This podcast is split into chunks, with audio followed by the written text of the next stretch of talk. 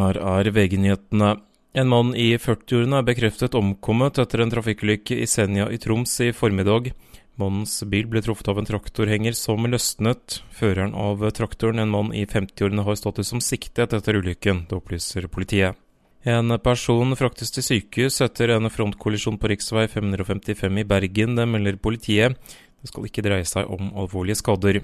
Leder av Det konservative folkeparti i Danmark, Søren Poppe Paulsen, er død, 52 år gammel. Han fikk hjerneblødning på et partimøte i går og ble fraktet til sykehus, hvor han senere døde. Det skriver den danske avisen Politikken.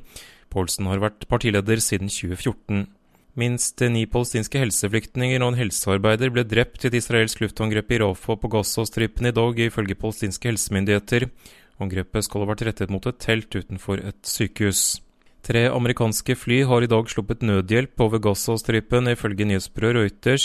Det er uvisst om operasjonen var vellykket. Tidligere har både Frankrike og Storbritannia gjort det samme, i samarbeid med Jordans flyvåpen.